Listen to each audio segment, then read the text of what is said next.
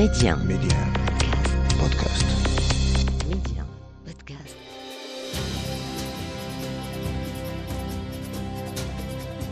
في ديسمبر 1978 توفي الرئيس الجزائري هواري بومدين ليخلفه العقيد الشاذلي بن جديد قائد ناحية الغرب العسكرية مع استمرار أنصار بومدين في التحكم في دواليب الدولة من خلال مؤسسة الحزب الوحيد جبهة التحرير الوطني وجهاز الأمن العسكري الذائع الصيت وأمضى عهدته الأولى تحت شعار التغيير في إطار الاستمرارية على أساس أنه يمثل استمرارية لحقبة بومدين فقد اختاره الضباط وكان الأكبر سنا بينهم لكي يخلف بومدين مطمئنين إلى أنه لن يمس بامتيازات المؤسسة العسكرية لا لمصلحة طبقة منفتحة على العالم الغربي كان يمثلها عبد العزيز بوتفليقة ولا لمصلحة البيروقراطية الحزبية التي كان يمثلها محمد صالح اليحيوي.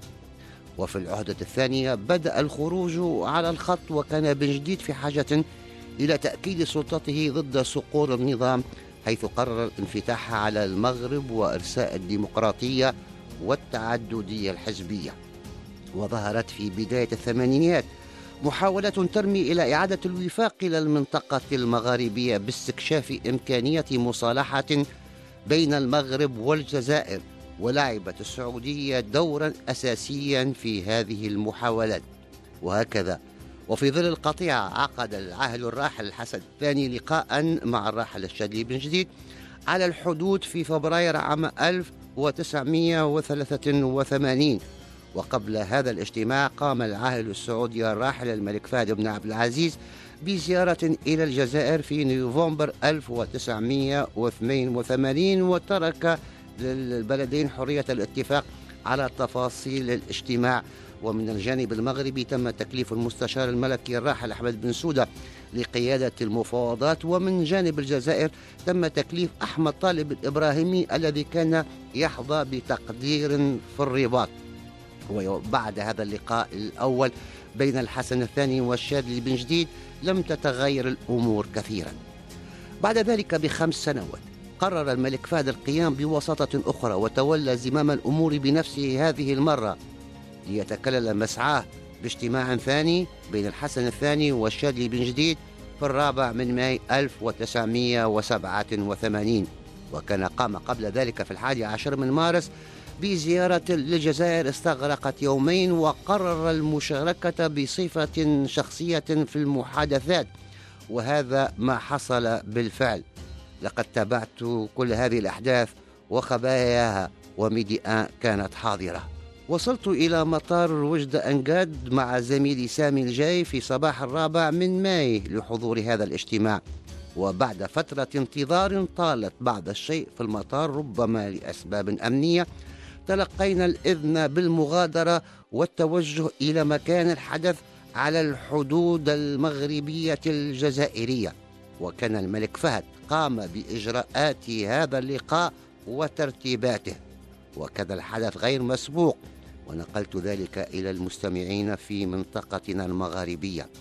فبعد أن رفض الحسن الثاني التوجه إلى الجزائر ورفض الشاذلي بن جديد من جهته الحضور إلى المغرب فكر العاهل السعودي الراحل في عقد اللقاء في السعودية.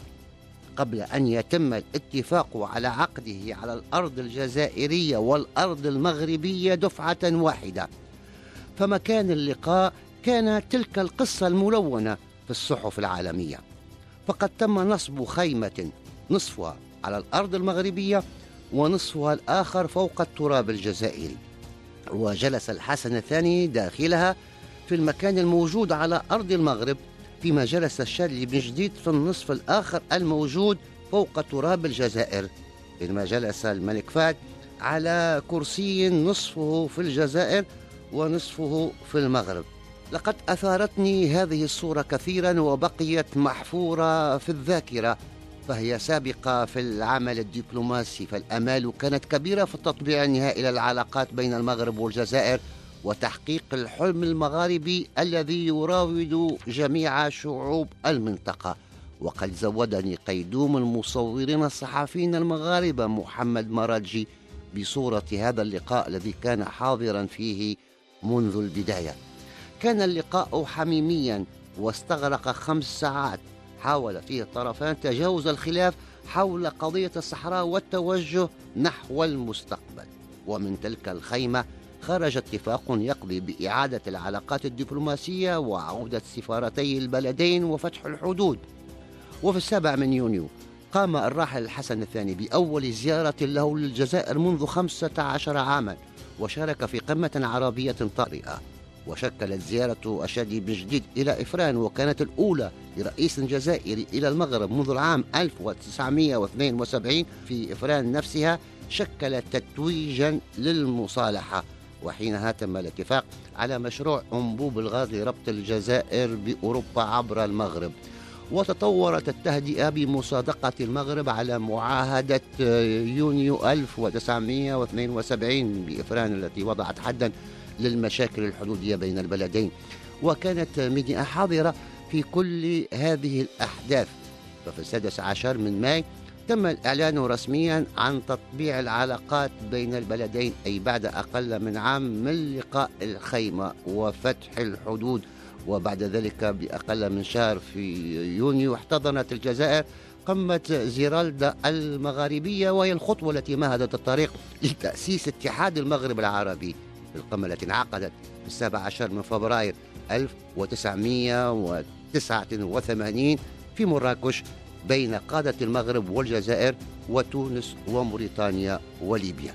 لكن لم يكتب لمسار تحسن العلاقات بين البلدين أن يستمر وتوقف بعد استقالة أو إقالة الشادي بجديد وتعيين مجلس أعلى للدولة مكانه ليأخذ الجيش الجزائري زمام الأمور.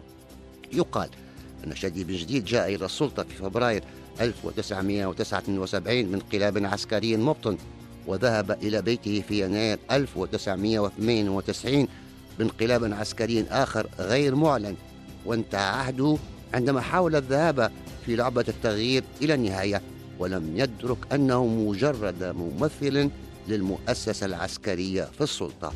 وللحديث بقية وإلى لقاء قادم.